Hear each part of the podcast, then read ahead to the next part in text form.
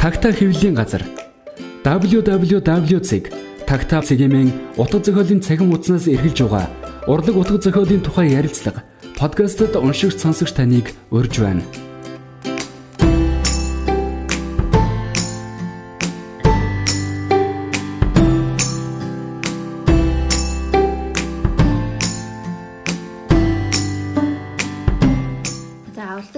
уран зохиолын подкастны маань өнөөдрийн дугаараар бид тагтаа явлын газраас хэвлэнээс гараад удаагүй байгаа. Цаг хугацаа хэлнэ хэмээх уран зохиол эссений намны тухай та бүхэн танилцуулж бас ярилцах гэж байна. Тэгээд надтай хамт өнөөдөр за намын зохиогч утга зохиол судлаач за тагтаа явлын газрын ерхий редактор Бямним за орчуулагч тагтаа явлын компани үүсгэн байгуулагч Тэгш Заяа нар байна. За бид гурав ингээд ярилцсан.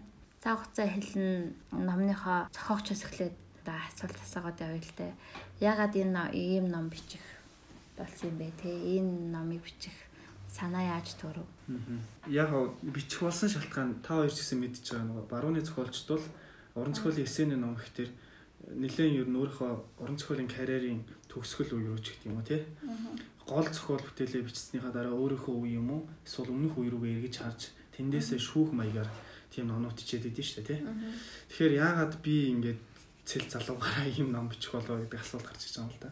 Тэгэхээр би бол өөрөө Монгол Улсын их сургуулийн уран зохиолын анги төгссөн уран зохиолын одоо дипломн дээрх мэрэгжил маань уран зохиолын судлал шүүмж гэсэн мэрэгчлээ. Тэгээд надад нэг бодогдсон бодол нь бол хамгийн түрүүнд бид нар нөгөө уран зохиолын үйлчлэлээр уран зохиолын түүхийг яриад эхлэнгүүт орчин үе гэдэг цаг үе бол 1945 оноос 1970-аад он хүртэл ч юм уу тэр хугацаанд ярьдаг. Тэгээд тэр зохиолчд бол за гол гол төлөөлөгчд нь яг Монголд орчуулагдах нь орчуулагдаад ингээд хүмүүс ерөөхдөө мэддэг болцсон мэдхүйч нэг нэр усын ямартай ч нэг сонсдог болцсон. Аа тэгэхээр 70-аад оноос хойш өнөө хүртэлх цаг хугацаанд одоо ямар хүмүүс юу бүтээж тэгээд тэдний бичлэгийн арга барил нь юу ямар хүмүүс байдгийг хаанаас аль улсаас хин гэдэг зохиолч хаширж байгаа уншигчдад тэр зохиол бүтээлээрээ юу өгч байгаа юу бичдгийг гэдэг асуулт хамгийн түрүүнд тулгарсан л да. Тийм учраас ялангуяа залуу уншигчийн төвшөнд бол энэ пост модернизмын дараа гарч ирж байгаа нэн шинэ үе юм уу гэхээ тэр нэг бүхэл бүтэн үеийг орхигдуулсан байгаа учраас энийг би танилцуулах хэрэгтэй байна. Ямар ч ихний ээлжинд зохиол бүтээл тэгээ зохиолчийн төвшөнд танилцуулчих. Тэгээ араас нь одоо сайн сайн орчуулгууд гарах байх гэсэн үднэс энэ уран зохиолын эссений номыг бичих гол шалтгаан нь бол тэр л байлаа яг уу эхний текстүүд одоо зарим текстүүдийн эхэлжсэн цаг үеийг авах юм бол 2 3 3 жилийн өмнө чорх болчих. А яг яг уу яг ном болгоё гэд багцлаад ингээд төлөвлөгөө гаргаа суусан нь бол нэг жилийн хугацаа шаардсан баг. Ягаад урт хугацаа шаардсан нь бол угаасаа номон дээр ойлгомжтой л байгаа. Юу үзэж харсан нь ойлгомжтой учраас тийм. Жишээ нь ном номоо уншиж дууссан билээ. Дууссан. Номонд орсон зохиолчдын сонголтын хувьд ягаад заавал ийм зохиолчдыг сонгосон болоо гэж уншигчид бас сонирхолтой байгаа хэл та. Тийм. Тэгээ ямар шалгуураар а ер нь тэгээд зүгээр яг тодруулаад асуухад яг чанартай уран зохиолын бичвэр, чанартай зохиолын шалгуур ер нь юу байдیں۔ тий. Одоо зохиол судлаачийн хувьд би бол номынхоо үнэлгэлтээр бичсэн. Сонголтыг бол би цэвэр уншигчийн үднээс хийсэн гэж. Яагаад уншигчийн үднээс хийж яах гэхээр хит нөгөө академик үүднээс юм уу? Би л уран зохиол судлаач би уран зохиол шүүмжлэгчгээд харчих дээр бас тэрэндээ баригдаад юу гэдгийг хит одоо бичвэрийн төвшөнд задлж болох зохиолууд ч юм уу? Эсвэл бүр одоо бичлэгийн онцлогтой зохиолуудыг түүж авчих гаддаг.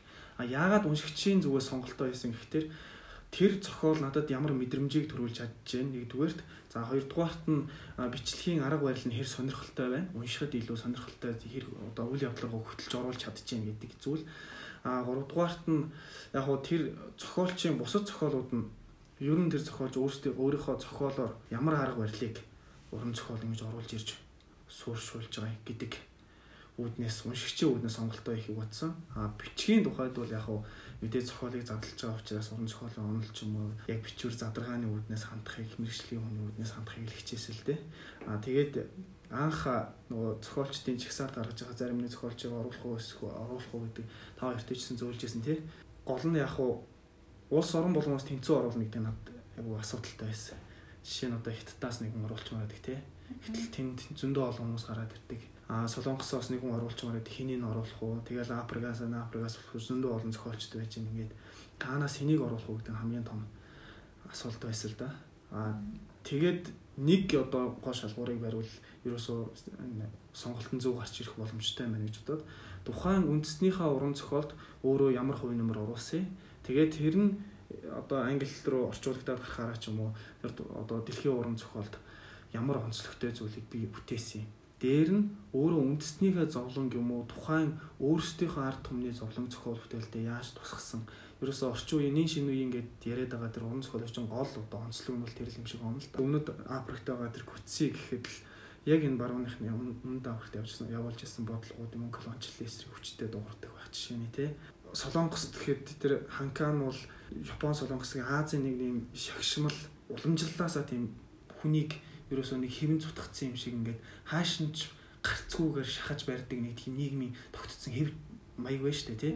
Тэр л хөв хүнд яаж тусч байгаа хөв хүний одоо оршихуйд хэрхэн нөлөөлж байгаа гэдгийг маш сайхнаар уран зохиолоор дамжуулж гаргадаг ч байдаг юм уу. Тийм байдлаар тухайн үндэснийхээ онцлогийг юм уу үндэснийхээ дуу хоолойг яаж уран зохиол гаргаж байгаа гэдгээр нь сонгуул илүү одоо араа баримжаатай болох юм байна гэсэн үднээс сонголтуудаа хийх нь хийсэлтэй. Орон зохиолын чансаатай бүтээл, уншигчдын таашаал хоёрын тэр заримдаа зөрөөд байдаг тэр айгу том ан цав, заримдаа ч яв цав таардаг, заримдаа ч уран зохиолынх нь бичвэр нь уншигтаасаа хамаагүй төрүүлж яадаг. Тэр ер нь зүй тогтлуудыг юу гэж боддөг вэ? Одоо яг манай Монголын нийгэмд болохоор эн чинь бас нэлээд маргаантай асуудал шүү дээ. Маргаантай асуудал. Тийм тэр чинь нөгөө нэг шүүмжлэгчдийн юм эсвэл мэрэгжлийн салбарын нь орж ирээд одоо юу гэдгийг бестселлер зохиол гэж байх ёсгүй ч гэдэг юм уу тийм ярингууд бас их маргаанд игдээчдэг тий. Миний бодлоор бол зүгээр уншиж харсан юмнаас харахад бол аль ч орны уран зохиолд хоёр ямар их урсгал явж байгаа юм л да. Нэг талд нь бестселлер буюу их уншилттай тий. Их олон хүн уншдаг. Их олон хүн зэгийг ойлгож болдог. Ямар нэгэн одоо цензургүйгээр явдаг тийм олон борлогддог, зарагддаг тийм зохиолууд байж. А нөгөө талд нь жинхэнэ одоо шидэвэр юм уу шилмэл бүтээлүүд гэсэн байж. А тэрийг хэн яаж гаргаж ирдэг гэхээр нэгэнд тийшээ нэвтэрч орж чадахгүй байгаа. Уншигчд нийт тийшээ нэвтэрч орж чадахгүй шүү дээ тий. Ойлгохгүй байж болно. Эсвэл хэд хүнд санагдаж болно. Эсвэл утга учиргүй санагдаж болно. Тийм уран зохиол зохиолын бичвэрийг мэрэгжлийн салбарынхан судлал шүүмжлэлийн салбарынхан тийшээ хөтөлж оруулж өгöd хаалгын дэлгэж өгөх хэрэгтэй хүмүүс энэ уран зохиолын судалгааны салбарынхан энэ салбарынхан өөрсдөө байхгүй. Тэгээд бичвэрт халдаж чадахгүй байгаа уншигчийг сайхан дагуулж яваачаад энэ бичвэр бол ийм гэдэг тэр хоорондынх нь холбоос хийх ёстой уг нь уг нь бол а гэтэл одоо юу гэдэг тэр олон хөв зарагддаг бүтээлүүд нь байх ёсгүй заавал энийг унших ёстой гэд тулгана гэдэг бол байх одоо боломжгүй асуудал шиг миний хувьд л тэгж бодогдоод байгаа байхгүй юу. Тэр шилмэл бүтээлүүдийг унш чадахгүй хамгийн гол одоо холбогч идэг хүмүүс нь бол уран зохиолын судалгаа судлаачид юм уу шүүмжлэгчид тэгээд тэр текстийн бичвэрийн утгыг маш ингээд олон янзаар тайлж өгдөг уншигчдад уншигчийг дагуулж тэр дотор нөхөөс үлжээс юу байдгийг булан тохоо бүр нэгжүүлэх тэр боломжийг нээж өгдөг хүмүүс тийм ч учраас уран зохиолын судалгааны салбар гэдэг зүйл текстийн судалгааны салбар гэдэг зүйл байдаг байх гэж бодож байгаа. Энэ номын бас нэг зорилго нь тийм байсан багт гэж харсан тий. Тэгээд ер нь салмаар өөртөө ч гэдэг юм уу Умберто Эко за мэдээж бас Орхон Памук орох байх. За за тэгээ Милан хүн дээрээч бас багтах байх. Яг өөрийн гэсэн аюу хүчрхэг тийм хэлтэй тэгээд зохиол бүтээлч бүтээлээ өвүүлж байгаа арга барил нь бас тийм реалист юм уу? Те нэг шугамар өрөндгөө зохиол бүтээлийнх нь үйл явдал одоо бичлэгийн арга барилны аргутаагаас гадна зохиолоо үрж тавьсан тэр бүтцэн тий тэр нь ч гэсэн бас давхар уншигчийг одоо ямар нэг эрэлхийлт хөтлөхөөр тийм одоо зохиолчдын одоо тийм яриухтай бичвэрүүдийг энэ цаг хугацаа хэлэн номд бас их хайтаахан айгуу тийм сайхан хөтлөөд айгуу сонирхол татгууцаар бас тайлж бичсэн байсан л да. Одоо чинь салмаар өөртөө шүн дуундын хүүхдүүд ч байт юм уу те. Аа тэгээ шулмын шүлгүүд гэх тэр яригтай романуудыг бол уншсан одоо ямар ч уншигч энэ салмаар өөртөө тохоо уншсан уншигч бол бушуухан л тэр номыг олоод унших юмсан гэсэн сэтэл төрүүлээд би ч гэсэн одоо тэгээ хурдан энийг уншчаад хурдан орчуулга хурдан дуусгах гэдэг юм уу те хурдан монгол уншигчтай юм гоё романыг монгол хэлээр нь хүргэе гэсэн тийм хорхоо гоцолтойсэн тэгээд одоо яг уншигчд жаахан тэгдгэлтэй уншигчдын үднээс хандаад байна л. Угаасаа энэ чинь уншигчдад чиглэсэн ном юм чинь. Одоо амар хялбар одоо эсвэл реалист бичлэгтэй байх тусмаа тий. Одоо зохиол айгуугаа одоо дүлгөөнд уншигч юм уу тийм. Реалист ингээд ийм цаг хугацааны хувьд нэг нэг дараалалаар өрнөдөг ийм бичлэгтэй байх тусмаа яг уншигчдад илүү хялбар ойлгох юм шиг байгаа юм тийм ээ. Тэгэнгүүт бичлэгийнхаа хувьд одоо юу гэдэг нь постмодерн болоод ирэхээр зарим уншигчдууд тэгдэг. Би одоо зүгээр л дүлгөөнд он трэл уншиж юмар байна тий постмодерн уран зохиолыг чинь зүгээр нэг тийм хүн ойлгохын аргагүй тийм холион бантан шиг юм байдаг. Эсвэл одоо юу гэдэг заримдаа ч хоорондоо тэгээ шоколад идэгтэй нэг жоохон авиас муутай дулхан зохиолчд л те нэг жижигхэн санаагаа юм албаар э, тийм яривхтай болох гэж юм спиралист энэ төр болгож бичдэг гэд те Тэгээд одоо яг одоо цаг хугацаа хэлнэ гэдэг номыг ингээл уншиж байхад айгүй олон зохиолч айгүй олон бичлэгийн арга барилуудыг ингээд яг өөр өөрөөр хорн гаргаж бичсэн болохоор тэдрийг ингээд харьцуулж аа энэ зохиолч энэ зохиолчвол ийм арга барилаар бичтiin байх шүү гэд гэж хүний одоо тэр нэг тойрынхун тэр олон тэ ялгаатай байдлыг тавыг бас харах айгүй боломжтой байсан л та. Тэгээд яг та хоёрын хувьд одоо энэ реалист бус те одоо зохиол бүтээлийн тэр агуулгаас гадна бичлэг нь давхар өөр байна нэг өөр нэг тийм юм зүйлийг тэгээд байдаг. Тийм одоо зохиолчдын юу юу гэж боддог бай тэ. Одоо орчин цагийн постмодерн зохиолын л бас нэг гол тэ шинжтэй тэ. Тэрийг уншигчдад жоохон тайлж өгөхгүй. Тэгэхгүй бол одоо бас зарим талаар те зүгээр хүн ойлгохын аргагүй балаа юм постмодерн уран зохиолч гэдэг юм шиг зарим нь төөрөөд идэг. Зарим нь ч бол те реалист зохиол бол арай дэндүү ингийн постмодерн зохиол байх тусмал те зохиолоос гаднах тэр үйл явдлаас гадна зохиолын бүтцэд нь хүртэл сонирхол татаад уншигчдыг одоо намайг одоо маш их те зөөл төгтөлдөг миний уншигчийн төвшинг ахиулдаг гэж янз янзаар л хийлдэг л те та хоёр юу гэж юун дээр ямар ач холбогдол өгж байгаа вэ гэдэг гэдгээ а тэгээд тэрийг яаж илэрхийлж гаргаж байгаа вэ гэдгээр зохиолч хооронд ялгаж байгаа шүү дээ. Реалист орон зохиол гэж бид нар сая баа ярьлаа шүү дээ. Реализм гэдэг тэгэнгүүт ч одоо юу гэдэг юм бэ? Уран зургаар бол айгуу сайхан ойлгогдчихэв тий. Юмэг бодтоор ингээд байшин бол байшин. байшин бол байшин. Тий гол бол гол сайн хүн бол сайн хүн муу хүн бол муу хүн дайсан бол дайсан тий. Нөхөр бол нөхөр. Аа тэгээд нөгөө бичлэг нь ингээд нэг шумаар цагийн дараа л нь ч гэсэн маш ойлгомжтойгоор ингэж явдаг тий тэгээд уншигчийг хаана тавьж байгаа вэ гэдэг чинь бас яг гол юм штэ релиз орон зохиолол уншигч бол нэг тийм тэнгэр дээр тий бурхны орн байж шиг байна тий бүх дөрүүдийг дээрээс нь хараад амьдрал үйл явдлыг нь толтоод хинэний ажин хинэн юу бодож ийн бүгдийн сайхан ингээд уншчаад тий уншиж идэг тий тэр тэнд өрнж байгаа үйл амьдрал нэг төөрдөг байшин юм байлаа гэж бодоход тэр төөрдөг байшин дотор хин яаж төгрөлтөд явж ийнэ гэдгийг уншиж дээрээс нь хараа сууж идэг тий тэгээд уншигчийн хувьд бол бүх юм тодорхой. Бүх юм мэдчихэдэг бүх юм мэдчихэдэг тодорхой. Тэгэнгүүт одоо бас модерн уран зохиол бол арай өөр л дөө. Уншигчийг аваачаад нөгөө нэг дөрөв тэгэхээр нэгэнд тавьчихдаг ч юм уу тий.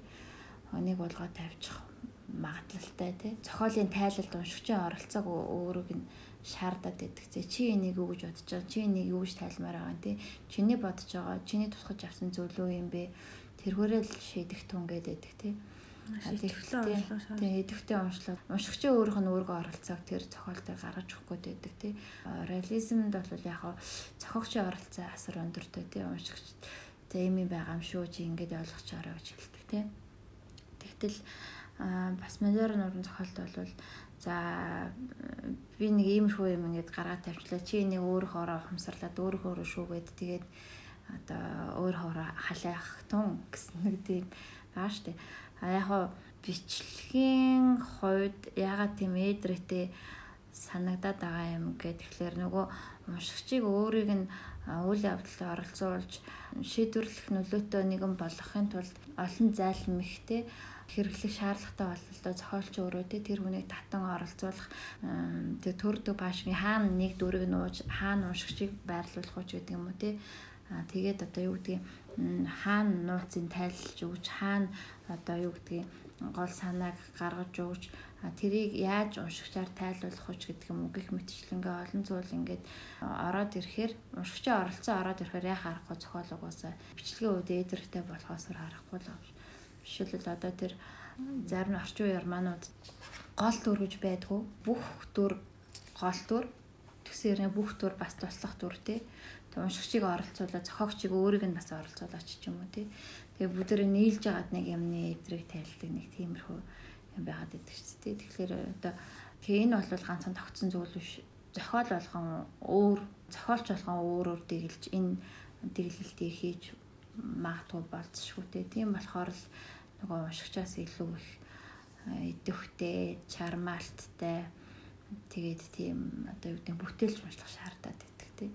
Тэгээд энэ номны онцлог нь болохоор тэр яг л нэг уншигчаас бүтээлч уншлах шаардаад байгаа. Тэрэнд нь одоо хитрхи нөгөө энгийн текстэнд дасцсан уншигч жахан төрөлдөд байгаа бол тэрийг одоо нэг наа чи нэг ийм учиртай юм байгаа. Та эхлээд энэ хаалгаар ороод үзтээ. Тэгвэл нэг юм тааралдаж магадгүй дараа нь цаашаа яваа өөрөө мэдэрэж гэдэг нэг иймэрхүү нэг тийм үд хаалгахыг нээж өгөх тий. Төрдөг байшингийн ядаж нэг ихний хаалгаар нь оруулах тийм юмыг хийж өгч байгаа юм болов гэж бодоод байгаа шүү дээ тий. Аа. Миний хувьд ч бас айгүй тийм амттай өдөөгч шиг санагдсан юм ном түрүү яг хэлсэнчлэн тий. Тэгээ зарим тохиолдолд бас одоо хавар өнтер болоод ноцороо залах өрөөд тэгчээтэл тэгээд э, ямар ч үед бас тэ хүнд юм аюу амттай болдог л та уран зохиол амар гаалтуултай уншигч байсан ч гэсэн тэ тэгэнгүүт одоо энгийн уншигч агсын төвшний уншигч амар бадрангуй уншигч аль нь ч байсан айгуу тийм амттай өдөөгч болохоор ном санагдсан. Иргэншлийн гарын үсэг нь урлаг юм. Beverly Seals Миний анзаарсан хамгийн тийм оролцох хүчтэй зүйл болохоор яг энэ цаг хугацаа хэлэн номноос зөвхөн одоо гадаадын уран зохиолчдыг оруулаагүй яг монгол зохиолчдыг бас энэ тэнцүү сонгосон байсан л та. Тэгээд бодоод үзэхээр за одоо дараагийн асуудал нь шүү дээ. Бас манай уран зохиолын зах зээлд айгүй хүчтэй харагддаг.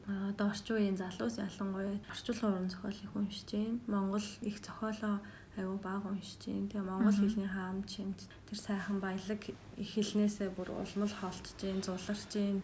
Тэгэж яриад байдаг. Яг тэгээ ийм цаг үед бол яг энэ монгол зохиолчдыг ингэж оруулж өгсөн бас аюу олцоош хүчтэй зүйл болсон шиг санагдсан. Тэгээд яг зохиогчийн хувьд яагаад энэ монгол зохиолчдыг ингэж сонгож оруулсан бэ? Аа бас л бараг л нөгөө нэг гадаа зохиолчтойгоо адилхан шалтгаантай юм л да. Бид нар нөгөө хойч үе гэдэг юм уу залуучууд гэсэн нэртэй маань хамаатуулаад монгол зохиол уншдгүү. Тэгээ тэрийгээ дагаад монголны чинь одоо найруулга зөв бүх юм алтарчлаа. Дандаа англиар уншдаг. Тэгээ гадаа зохиолч уншдаг. Барууны одоо сэтгэлийгээр хагсан ийм нэгэн үе өндийж байгаа загиндаг л да. Тэгээ загинжихтай хажуугаар нь монголоос энийг уншихыг унших вэ гэдгийг хэлээд өчөгдөх юм байдаг байхгүй. Зүгээр л загнаад идэх. Тийм учраас ер нь бол яг хуу 70-аад он, 80-аад онд, 90-аад оны үед ч юм уу энийг хэлж өгдөг хүмүүс нь бол шүүмжлэл судлалынхаа салбарынхан л байсан л да. Тэгэхээр тэр судлаачд бол ихэнх нь одоо академик салбарт ажиллаж байна. Багш нар болоод ингээд академик салбартаа анхаарлаа хандуулад яг нийтийн төвшөнд бол гаргаж ирж ажлын шаардлагаас болд юм нийтийн төвшөнд гаргаж ирж эднэрт ойлголцож чадахгүй л ах шиг байна л да. Тийм учраас Монголын уран зохиолоос хэнийг унших уу, тэгээ хинээс юуг нь унших уу гэдэг асуулт бол бас энэ номыг эхэлж явахдаа л цуг тавигдсан асуулт.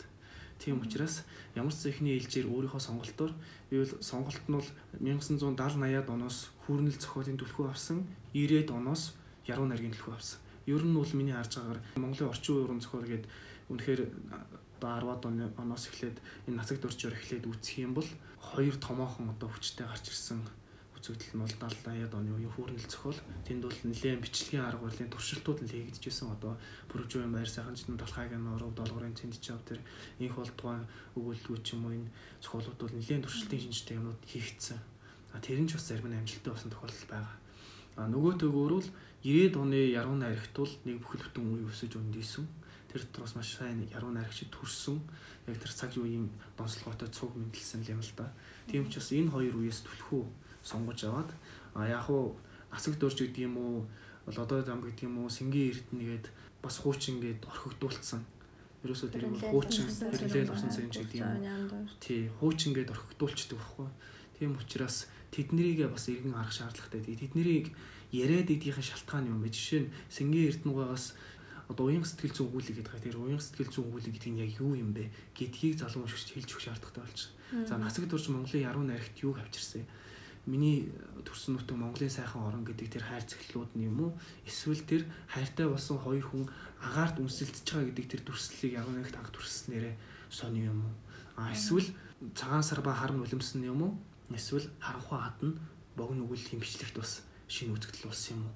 гэдгийг бид нэр ахиж ярих шаардлагатай болсон. Ингээд залуу уншигчдад хинээс юуг нь одоо хэрхэн аль талаас нь харж унших вэ гэдгийг санал болгох үүднээс л олон уран зохиолын сонголтыг үл ерөөд ийм маягаар хийсэн. Ингээд өгчихвөл яг хаа тэгээд бид нар бол гадаад англи хэл дээрээс унших ч юм уу эсвэл хэл дамжуулан уншихгүй учраас залуучуудад бас шууд энэ номыг унсны дараагаар их зохиол руу ороод уншихад илүү төхөмтэй учраас залуучуудад хэрэгтэй болов уу гэж утсан үүднээс ийм сонголтыг хийсэн л дээ. Гадны зохиолчд яг уу тэнд ингэ байж хана Монгол зохиолчд аршаад би ороогүй энэ чи орсон байна гэд зохиолчтой жахан гомдох төнөх асуудал гарвал яах вэ? Ер нь антолог антолог маягийн ном хийсэн хүн болгонд л энэ асуудал тулгардаг л байна л та тий. Ил далдаа тэгэл янз бүрийн гарч ил явах. Нэгдүгээр түл яг уу энэ ном бол нэгээр ингээд дуусчихгүй би бичихгүй ч өөр төрлийн юм номыг дахиад өөр хүн бичих байх Жишээлбэл бүгд миний бодсон зохиолчдоос ороогүй зохиолчдод зөндөө байгаа. Сайнтай муутай бүгдийн нэг савнд чидийдэлж ихэд гаргачихгүй. Эсвэл эхний ээлжинд өөрийнхөө сонголтод хамгийн ойр байгаа хүмүүсийг сонгоод гаргачихгүй. Тэгээ дараагийн одоо дахиад энэ номны хоёр дахь төвтөр ч юм уу хэрцээлийн зэгт гарвал те тэрийгэ багтаах уу гэдэг асуулт гарч ирсэн л те. Тийм учраас эхний ээлжинд бол за хэдэн зохиолчд оруулж мэдээж юу гэдэг одоо энд орохоор хэмжээний зохиолчд бол зөндөө ууш дэлхийгээс ч гэсэн тэр орхоо мамукны байхгүй юм байна тий.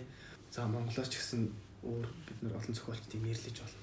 Тэгэхээр ийм нэг асуудал байсан. Дараагийнхаа юмд юу үлдээх вэ?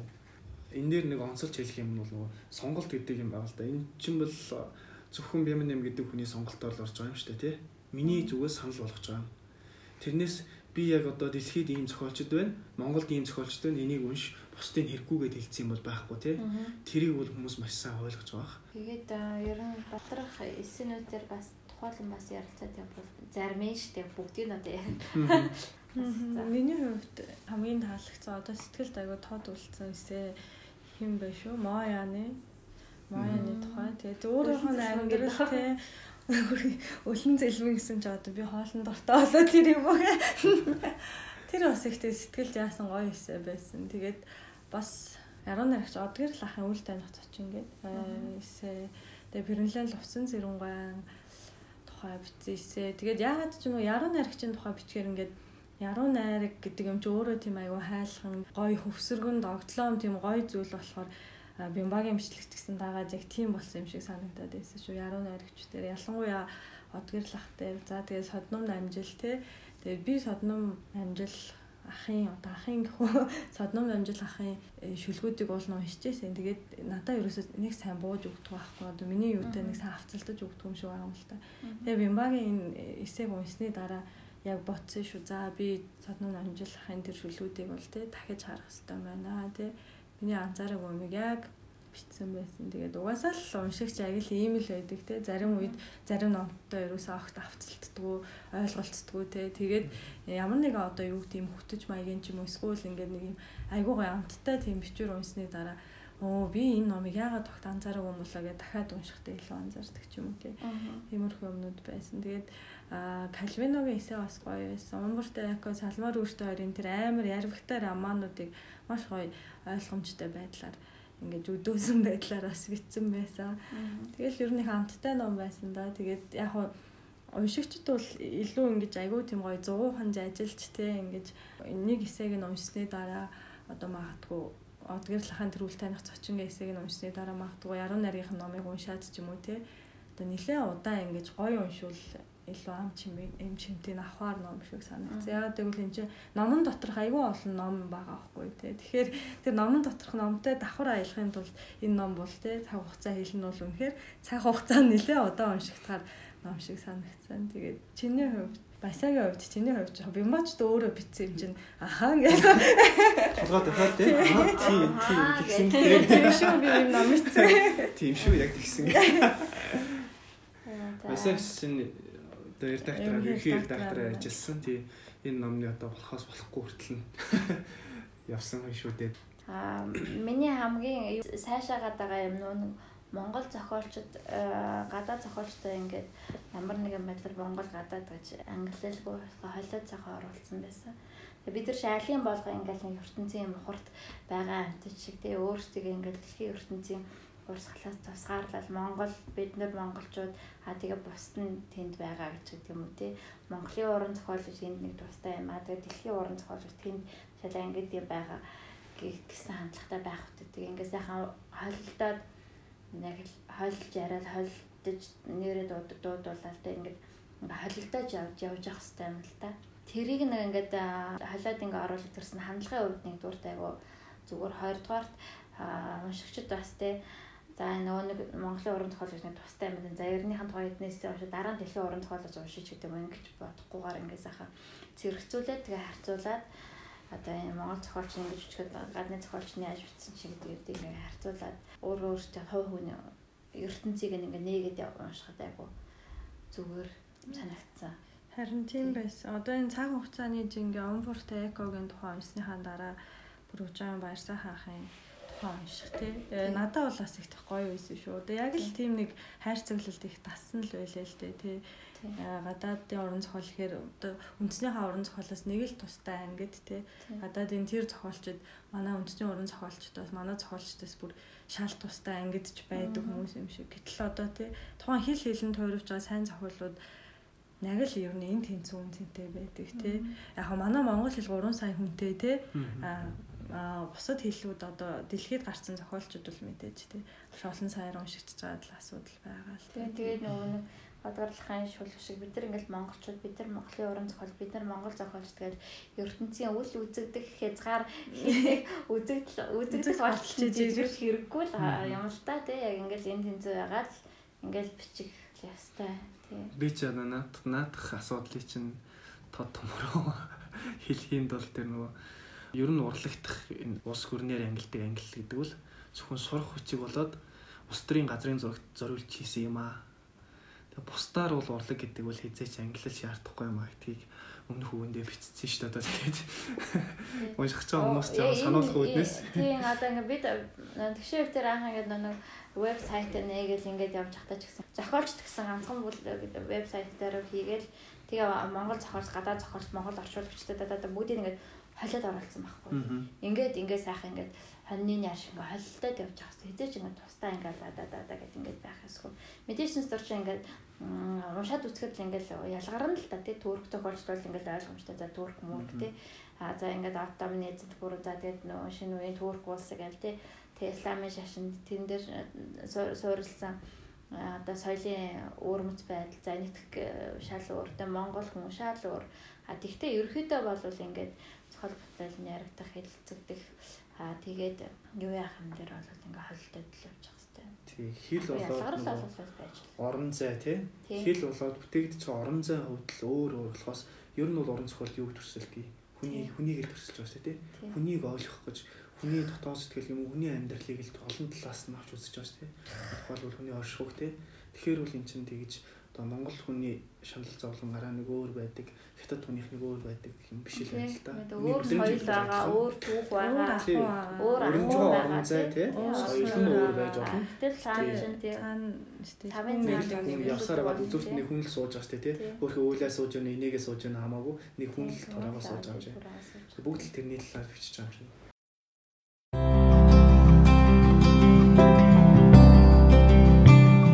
Урлаг бол мэдрэх үг бийжүүлэх үе юм. Аланис Моросити Номон дээр миний хайртай дуртай хүмүүс бол бишгүй их байна лээ. Тэгээд ерөөхдөө бас уран зохиолын таашаал үед бол ойролцоо юм байна гэж харсан шүү. Тэгээд Italo Calvino гэж байна. За гадны зохиолчтой нэрлэе л дээ тий. За манай Курт Ванагут байна, Мелан Кундера байна. Салма Рушти байна. Умберто Эко за миний хамгийн хайртай зохиолч бол Амосоос Амосоос минь орсон байсан ч айгу баярлсан. Орхон Памукал нүдэх хүртэл.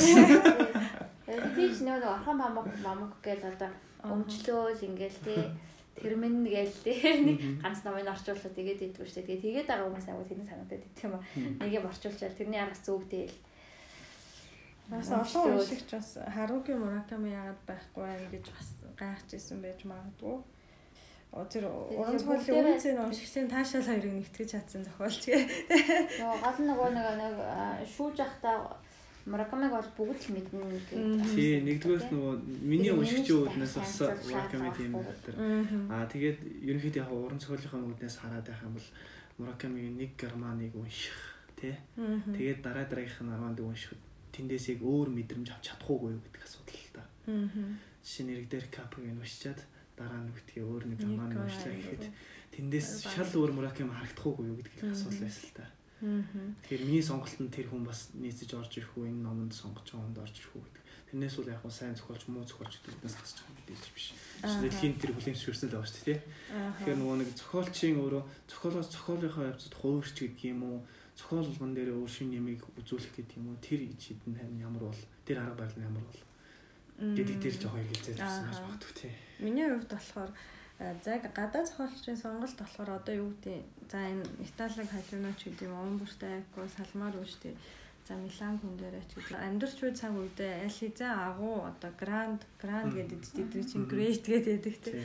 агуу зохиолчд гэдэг нь хүлэн зөвшөөрөгдсөн одоо юм луугруудыг танилцуулснаас гадна яг энэ цаг үед одоо дөнгөж ингээд зохиол бүтээлээд туураад одоо эд гарч ирж байгаа залуу одод дээр дэлхийн уран зохиолын одоо энэ Жумпа Лахири те Хонод Диас тэгээд Ханкан те Зэди Смит гээд энэ одоо шинэ зохиолчдыг бас танилцуулж ингэж эсээ бичсэн бас үнэхээр гоё санагдсан. Тэгээд яг Монгол уншигчдын хувьд бол магадгүй эхнээсээ одоо Күндэрэг ч юм уу Памукийг ч юм уу те За одоо рүүштэй удахгүй гарах байх, салмаар рүүштейж гарчих байх тий. Ингээд бол уншаад байна. Ха- Харин одоо яг энэ нин шин үеийн одоо энэ Жумпа Лахири ч юм уу Зэди Смит энэ трийг бол бараг зарим нь сонсоочгүй байгаа бах тий. Нэрийн тий. Зохиол бүтээлээс нь бараг Монгол тий бараг орчуулагдчих буруу нэгч гараагүй тий.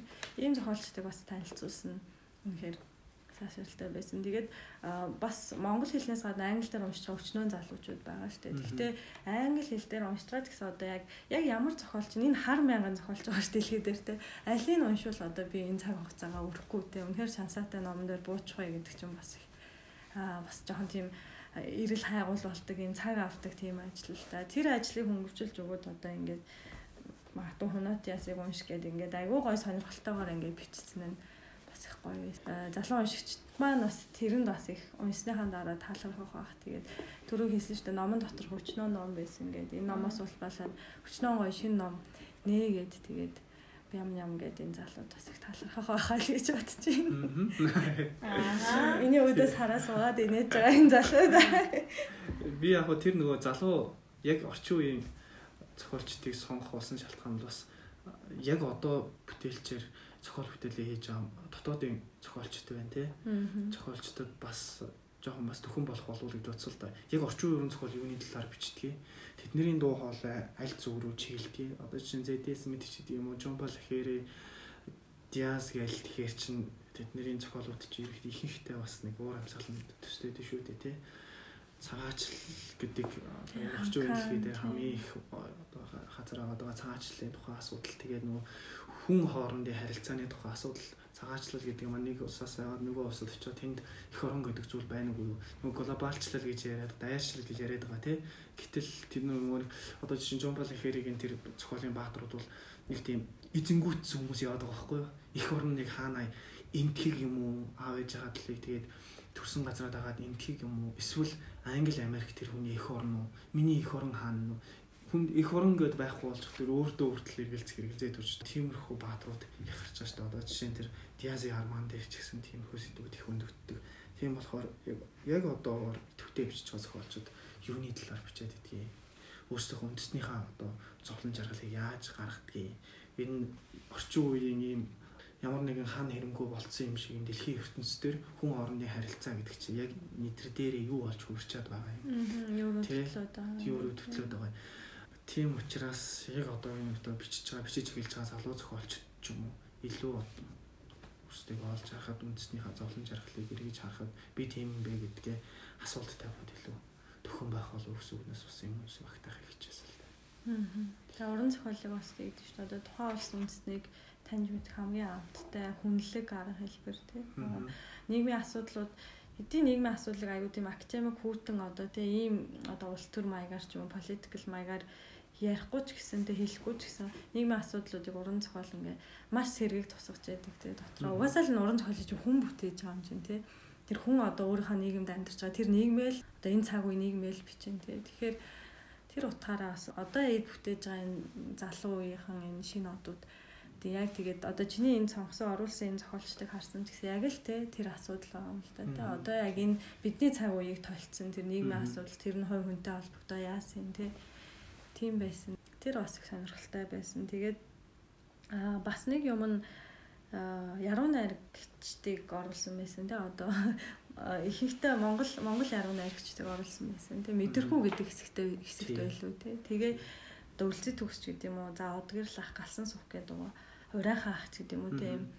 Одоо бүр юм агуу ай супер те. Супер яруу найрагч одоо хүн болгонд хөлөөнд шүрэгдсэн супер яруу найрагчдаас гадна одоо бадам самбуу содом намжилт гэдэг юм уу те. Ингээд тэр болгон уншигчд нэг их анзаардаггүй ч юм уу те. Тэгсэн ирнэ маш гоё шүлэгтэй юм. Нандин яруу нэрхтийг бас дахиж нээж одоо залуу уншигчдаа танилцуулж байгаа нь бас гоё санагдсан. Тэгээ бадам самбуу ахыг бас оруулсанд нь бас их талархсан тий.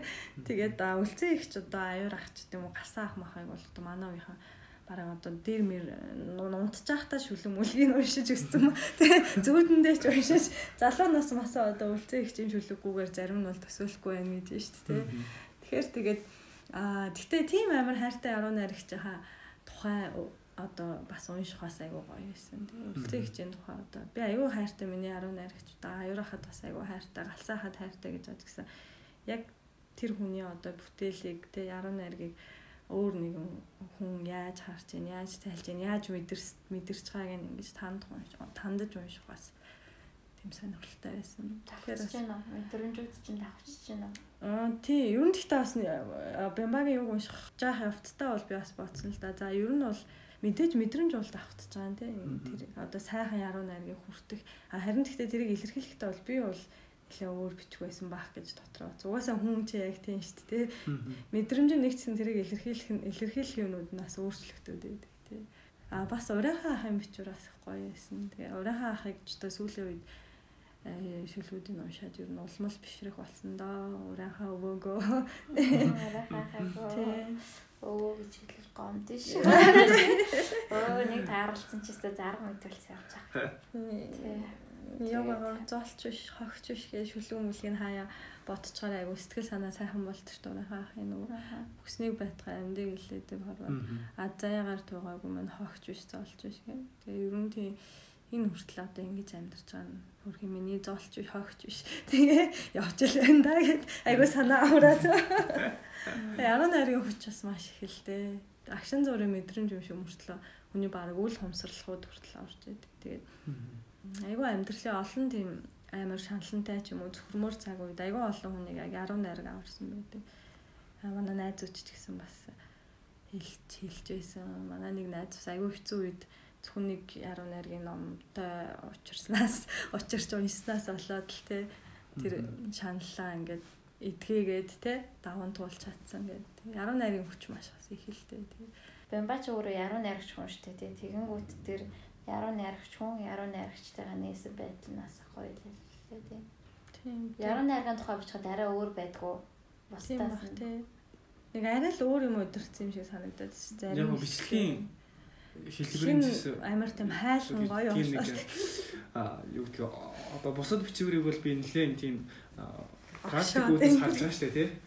За зохиолуудын уншин тэгээд эндээсээ сонгон судалгаа модалгааны юм харна нэлээд юм одоо төлөвлөгөөтэй ажиллаж байгаа шүү дээ. Яруу найргийн бүтээл бол өөрөө нөгөө мэдэрсэн яг өөрт тусаж чадж байгаа шүлэг мүлгэн дээр бол шууд баг ингээл шүлэг бичиж байгаа юм шиг онгодоор бичих тохиолдол тийм тохиолдол. Ер нь ч би тэрийг заавал тийм бишээр бичих албаар ингээ заавал онол монол оруулах юм тэгээ задлахыг хүсээгүй л яруу наригчдын бичвэр дээр ихэнх нь тэгэж явахыг хүссэн.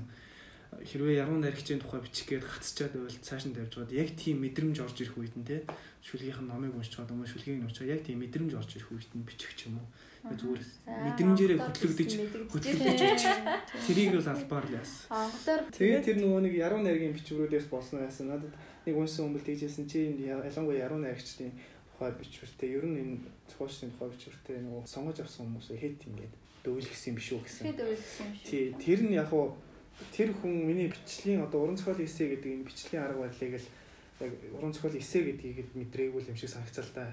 Тэр хүний зөвж байж болно. Уран зохиолын эсэ гэдэг нь өөрөө тийм л байхгүй юу? Би тухайн зохиолчийг бүх тохиол дээрээ төгс гэж ч юм биш. Аа харин жинхэнэ шидээр болж чадж байгаа тэр уран зохиолын үн цэнд ямар нэгэн үн цэнтэй зүйлийг авчирч өгсөн тэр зохиол бүтээл гэдэг нь бол бүр уншигчийн одоо сэтгэлийн чинээ тултал гаргаж ирэх, тултал задлах гэдэг юм уу? Тултал хэлж өгөх тийм л бичлэгийн арга барил шүү дээ. Тийм учраас уран зохиолын эсэ гэж тэр хавцан дээр тодтогоод байгаа шалтгаан тэр. А мэрэгчний салбарын шүүмжил гэдэг нь юу гэхээр шүүмжлүүд сайнтай муутай энэ хүний зохиолоос аль нь сайн нь аль нь таар өвчгцээ, аль нь санаагаа давтсан гэдгийг ярьж болно. Тэгэхээр би тэгээд хоолой өвчгтэй энэ чинь шүүмж болчих академик төвшин юм болж байна. Уран зохиолын эссе гэдэг нь бол тухайн зохиолчоос санал болгож байгаа зохиолуудаа зөвхөн тэрийг аваад хамгийн сайн гэсүнтэй сууж байгаа тэрнийхээ талаар дэлгэрүүлж задлж ярих тухай асуудал байхгүй. Нэгэнт бичлэгийн хэлбэр юм учраас бол би тэрийг заавал тэнд одоо энэ нь муу байна, энэ нь муу байна гэж шүүж яриад авах шаардлага байхгүй.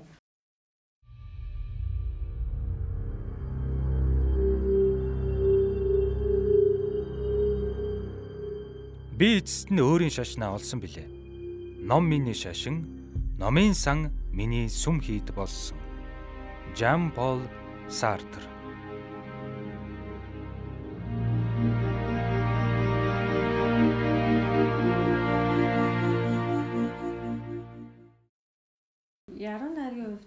бас угаасаа л яг тэгдэг. Яруу найргийг ер нь уншихал гоё те. Яруу нэгэн тэр бас айгүй олон янзаар цэцгэрэх ч юм уу одоо тэр амар тийм хувь хүний айгуу тийм онцгой мэдрэмжийг амар олон янзын тийм символуудаар тайлах ч юм уу те.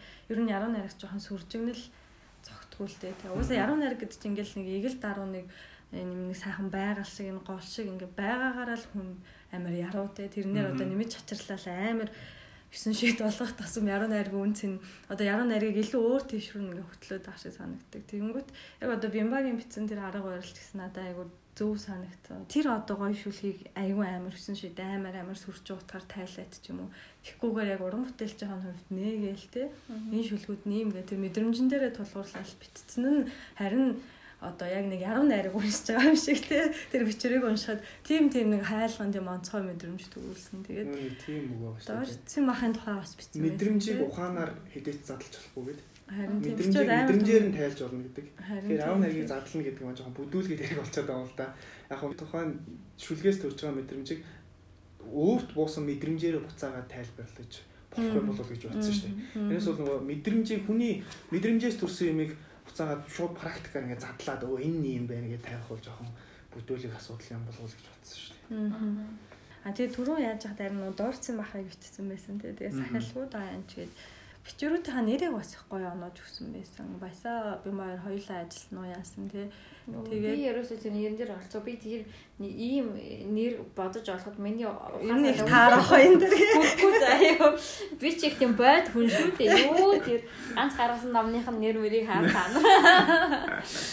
Тэгээд Бимбаг харин нэрийн оновчтой өгснөөс ахуулаа. За манай Бимбач бас нэлээд тийм гярхаа юутай хүн байх шүү гэд уншсны дараа харин айгу юу болсон. За нэрэж бас ч тийм дээ. Тэгээ угаасаа л яруу найраг ч юм уу тийм хайлхан юм нэг тийм амар мэдрэмжээр амар өдөгцөн бичвэр чи хүний сэтгэлийг угаасаа л нэг тийм уудам гэдэг чи амар ингээл яв зав шүүгээлтэй амьдрал болоо хорвоо хүний ертөнцийг ингээд байхгүй нэг л их тийм уудам болгодог тий. За нэрэл тийм дээ. Өмнө ингээд сэтгэлдээ юм жижигхэн бодож байсан юм а арай тэлхтэй л тий.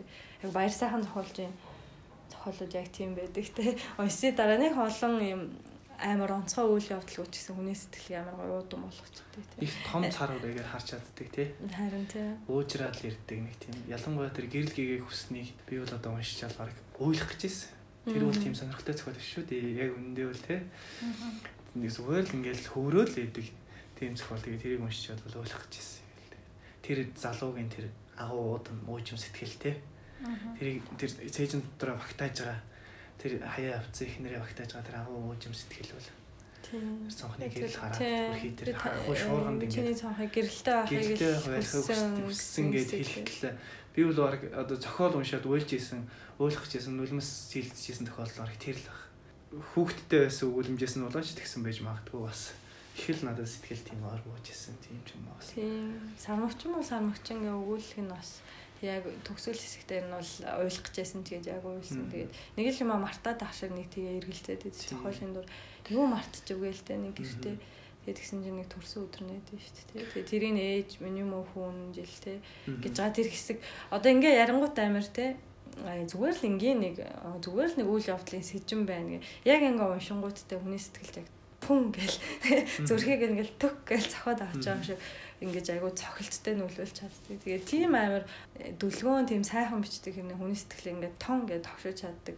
Тэр нэг одоо эсрэгцэл нас айгу сонь. Одоо цохол бүтээл гэж гэдэг юм одоо тий яг ингээд уншаад мэдрэхээр тийм сонирн байдаг тий э, хил найруулгын тэрийг харахаар амар дүлгөөн тийм тавиу тэгсээр нэ хүнд өгч байгаа мэдрэмж амар хурц айгу сонио Тийм баяр сайхан ахын талаар бас бас нэг тэгэж харуулж байсан. Одоо энэ ном дээр болохоор олон зохиолч танилцлын арга барилыг ингээд ярьсан баг ч арга барилын ийм онцлогтой ийм арга барилаар бичдэг ингэдэг гэд нэг юм угаал байдаг л та юу бичиж байгаа нь гол нь биш яаж бичиж байгаа нь гол нь гэдэг. Өөрөөр хэлбэл уран зохиолын бүтээл ер нь урлагийн бүтээл гэдэг бол мэдээж санаа өгөх мэдрэмж нь чухал байлгүй яг энэ бол 50% нь. Нөгөөдг нь тэр мэдрэмж тэр санааг яаж илэрхийлж ямар арга барилаар яаж хүргэж байгаа тэр урлал зохиогчоос гарч байгаа ур чадвар одоо тэр илэрхийллийн арга маяг тэ зал залхаа тэр бүх юм чинь айгу чухал. Тэр чин бас урлагийн бүтээлийг хийцтэй барьцтай өөр мөц бусдаас ялгарах онцлогтой болгож байгаа зүйл.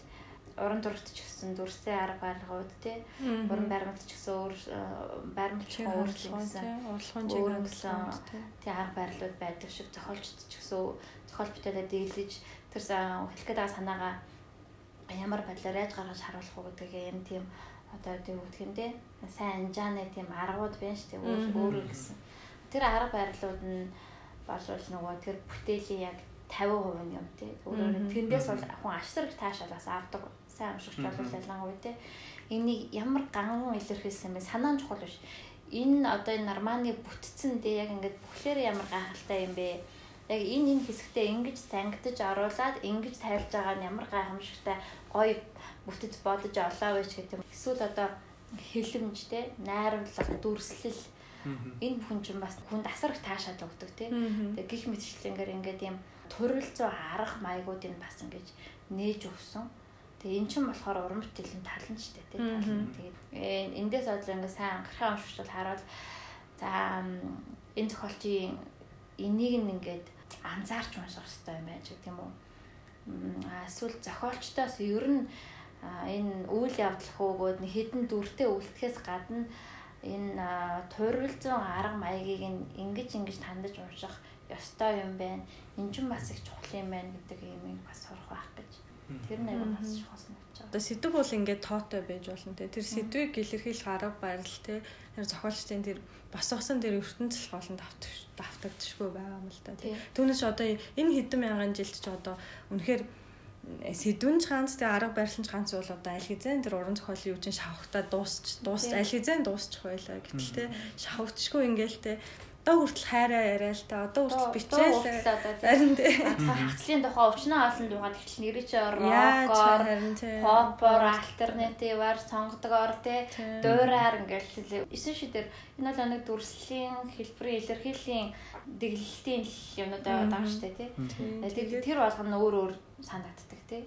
Өөр өөр таашаал тэр байдал ялангуяа энэ зохиолчтой одоо нэг арга барилын онцлог одоо тэр өөрөө уралж байгаа тэр одоо одоо барилууд нь ч юм одоо одоо Юка Мишима юм те Милан Кундерэ гिचээ жишээ нь юм Итали Калино гэтэл тийм сонио Салмаар өөртөө гэтэл тийм хөөх орхон бамаг болохоор өстой ингэ сайхан зунгаруулдаг мөртлөө тийм те. Тэгээд за Виржиниа Вулф болохоор ийм ойлгомжгүй ийм хомсрын урсгал Joyce юм гээл те Kafka болохоор тийм абсурд одоо юу гэдэг те. Ингээл ингээл бүх зохиолчдын ингээл өөр өөр байгаа байдлуудыг ингээд одоо уншихаар те одоо ингээд хүний те оюун ухааны төсөөлийн те мэдрэмжийн тэр хязгааргүй те тэр боломжийг тэр багтлыг ингээд одоо үнэхээр төрүүлж байгаа юм л та те. Хүний оюун ухаан гэдэг ч одоо те ийм ийм гайхамшигтай зүйл байгаа байхгүй. Уран зохиол гэдэг тэр оюун ухааны тэр одоо огшимыг ингэж те зохиолч ингэж шавхсан тийм зүйл байгаа байхгүй. Одоо огшимэл одоо ингэж тэр номдоо тунгааж те гаргасан. Тэгэхээр энэ олон зохиолч ингэ зэрэгцүүлээд ингэ уншаад энэ нэм энэ им тим гэдэг ингээ уншингууд хүний оюун ухаанаар бас их бахархсан л да тий. Тэ үнэхээр тэ хүний оюун ухаан тий. Магадгүй тэгээ одоо монголчууд одоо бид хэд амар стресстэй тий. Тэгэл одоо манай нийгэм ч бас нэлийн стресстэй хэцүү нийгэм тий. Бид нар ингээд дөнгөж хөвгчж байв тэгээд манай нийгэмд бохомдох шалтгаан бол үнэхээр их гэтэл тэгээ уран зохиол гэдэг тийм зүйл рүү ингээ орчхоор тий мэдгүй одоо утаатай Улаанбаатартай ч гэсэн амар тийм. Хүний оюун ухааныг багтаад амар годамжаар нь алхаж болж шүү дээ. Зохиолоо ботсон шиг тий. Тэгээ ер нь уран зохиол хаан ч гэсэн тий одоо амар жаргалтай нийгэмд ч гэсэн ер нь одоо тэр одоо хүний одоо өдөр тутмын хаан тэр одоо байнгын ахугаас гарах те нэг тийм яалчгүй том шидэт ертөнцөлтөө те. Тэгээд бямбач гэсэн өөрөө номынхоо өмнө битцсэн байсан шүү те уран зохиол гэдэг бол яалчгүй л тийм ертөнц те. Нэг ам чимтийг авцсан хүн бол гарахад маш хэцүү те. Гарах шаардлага байхгүй. Яг хараахан ам чимтийг авч амжаагүй. Тэгээд орон зохиолыг одоо ялангуяа киноч гэдэг юм уу дууч гэдэг юм аюу хялбараар ингэж хүртэгдэж болох урлагийн бусад төрлүүд романтай харьцуулахад одоо нэг романыг уншихад ядаж одоо 3 цаг кино үзэхгүй нэг романыг үл ядаж 3 өдөр унших байх тий хүн. Тэр одоо цаг хугацаа 30 харин тий. Тэр цаг хугацааны илүү тийм илүү цаг хугацаа яг илүү нухастай хандах шаардлагатай уран зохиолын ийм одоо урлагийн төрөлт бол яг одоо орчин үеийн завгүй ийм хэмнэлт ийм өрсөлдөөнтэй байдалд бол уран зохиол илүү хаашаа сууж гин гэж зарим уншигч үздэг тий хүртэхэд илүү хэцүү байна ч гэдэг юм гэтэл тэрнээс цаашаа өчнөө юм хүнд өгдөг болохоор л тий одоо хүн төрөлхтөө үзэн өрсөлийн захын нийгэмд ч гэсэн одоо номын борлуулалтын огтонч буурахгүй харин ч улам ихсээл байгаа шүү дээ. Номын сангууд ихсээл тий. Номын дэлгүүрүүд ихсээл тий. Тэгээ сошиал орчин бас айгүй ихтэй хүмүүст бие биений одоо номын сэтгэлдлүүдэд хуваалцах тий. Янз янзаар уриалах боломжуудыг олдох чинь тэгэл урч уншигчийн амьдрал гэдэг сайхан амьдрал шүү. Бимбагийн хувьд энэ төр За бямбаг юу ч яруу. Бямба нэг шанаад урсан. Би зүгээр гэдэг. Малтуулаа сууж яадаг тий. Аа тэгс юм а гэсэн хэрэг. Төрөнд нөгөө нэг хамгийн ихний асуудал дээр гарчихсан би ерөөс мартчих. Энэ номыг нөгөө төрөх болсон шалтгаан ингээд үүдэл санаа гэх юм да. Хэдийгээр энэ дээр нөгөө Мураками ороогүй ч гэсэн энэ номын үүдэл санаа нь бол Муракамитэй зайшгүй холбоотой л да. Би би нөгөө гэрэг дээр ажиллаж байхад нөгөө бөгийн ширээн дээр Мураками Jazz of Portrait гэсэн нэг тийм жижиг ном байсан. Тэгээд тэрийг аваад харсан чинь яасан гэхдээ орсоор бичсэн. Тэгээд ингээ хараад ингээ эргөөс игээл байжсэн чинь өөрийнхөө нөгөө жаз сонголтыг алдартай жаз хөгжимчдэг дуучдыг төвөрлээд тэгээд цомогтой цомгийнх нь тухай өөрийнхөө бичвэрийг оруулсан тийм ном байсан байхгүй. Тэрийг үзэл ерөөсөө ер нь бол уран зохиолны зайшгүй юм ном хэрэгтэй юм байна. За яг хамгийн дөхөж очиж байгаа ном нь бол аюурсан зохиолч энэ дэлхийн уран зохиолын 85 сод төрөв шүү дээ тий. Тэрүүл яг жоохон үечлсэн маягаар төвчилсэн маягаар аа тэгээд зохиол бүтээлийн тухай одоо тухайг нь бичсэн байдаг. А тэр бол одоо бидний үеийнхнийг бол баг дэлхийн уран зохиолтой их л ойр төвтөн танилцуулж өгсөн ном шүү дээ. А тэнгууд тэрнээс хойш юу болсон юм бэ гэдэг нь ерөөс отоо тодорхойгүй байхгүй юу. Тийм учраас яг яалтчгүй юм ном шаардлагатай юм байна уншигчдад залуучуудад зайлшгүй шаардлагатай ийм л ном бичих хэрэгтэй байна гэдэг үйл санаа бол анх тэрнээс төсөв шүү. Тэгээд тэрнээс хойш би зүгээр интернетээр олдож байгааг тэгэл олдохгүй байгааг захиалаад дандаа уран зохиол эсэний номуудыг л цуглуулж гисэн л дээ. Ер нь яадаг юм байна. Сонголтоо яаж хийдэг юм байна. Бичгтээ яаж бичдэг юм байна. Ямар ямар төрлөөр бичээд юм бэ. Тэгэл энэ ном төрөх анхны үүдэл шалтгаан тэндээс л хэлсэн.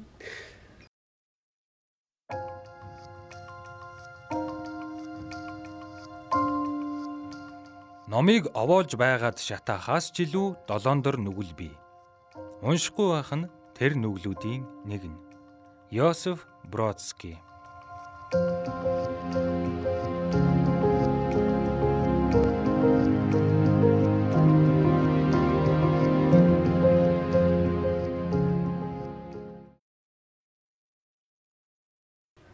бол зохиолчид одоо өөрсдийнхөө төрөл зүй арга маягийн тухай ч юм уу, уран зохиолын таашаалын тухай ч юм уу, уран бүтээл биш, уран бүтээлийн тухай номнууд айгүй их бичсэн мэт одоо жишээлбэл Милан хүн дээр Дарман бичгэн одоо урлаг гэж ном байна тийм. Art of Novel гэж тийм. Одоо Памукд ч одоо зөндөө олон тэр Other Colors гэдэг эссений ном байгаа шүү дээ. Тийм, романы талаарч бас тустай ном байгаа. Нөгөө нэг гинэн роман ч үлээ нэг тийм. Тэгээд одоо Номер Мураками болохоор нөгөө нэг бид нар гүйж явахдаа Тийм гүйж байхдаа Тэгээд нөгөө уран зохиол зохиол чимээх Тийм, ажил тийм. мэрэгжил гэдэг бас нэг жижиг. тийм бас сүүлд бас нэг ном гаргасан юм байна. Тэгээ одоо Стефен Кинг ч энэ on writing гэдэг амар тэр нь бол маш алдартай. Одоо тэр салбарын чинь уран зохиол салбарын тэр хамгийн алдартай чинь нөгөө нэг Борхесын non fiction-ийн төвөр тий. Тэр чинь бол одоо бүр амар дэвшин задлж. Аа гих мэтлэнгээр аа, зохиолчдын тийм тойрхон тухай өөрсдийнхөө үзэл бодлыг өөрсдийнхөө уран зохиолын таашаалыг ингээд бичсэн. Одоо хин энэ Куцигийн юу бол Inner Workings гэдэг ном байгаа. Чи дээ. Stranger Shores гэдэг байгаа. Тэгээд Last. Seas гэж байгаа. Latest Мгм. шүү дээ тийм. Тэгээд одоо нөгөө нэг чамд байдаг чинь амар зузаан яруу найрагч юм шиг. Роберт Хаасын. Роберт Роберт Хаасын Хаасын, тий. тийм. Тийм light what light тийм гэрэл юу хийж чаддаг вэ. What light can do гэдэг тийм. тийм. Гэрлэгээ юу хийж чаддаг вэ гэд гих мэтлэнгийн уран зохиолын маш олон эссений номнууд байгаа тий. Хэрэггүй юм болохоор л бичээд байдаг нь тодорхой сонирхолтой хүмүүс байдаг. Өөрсдөө ч гэсэн ингээд мэдсэн сурсан одоо юу гэдгийг ойлгосноо ингээд хуваалц сонирхолтой байдаг нь бол ингээд ажиглагдчихж байгаа юм та тий. Тэгээ энэ нь болохоор үнэхээр одоо бас сонирхолтой ажил болол үлддэг шүү дээ. Тэр зохиогч. Тэгээ нэгэнт одоо нэр хүндэд гарцсан нэгэнт одоо сайн зохиолч гэдэг нь тодорхой болсон зохиолчтой одоо тойрол зүй тий арга барилаас нь суралцсан гэдэг залуу зохиолчтой хувьд тий ядаж урам зориг аавна гэдэг чинь бас айгүй том хөшөөрөг тий.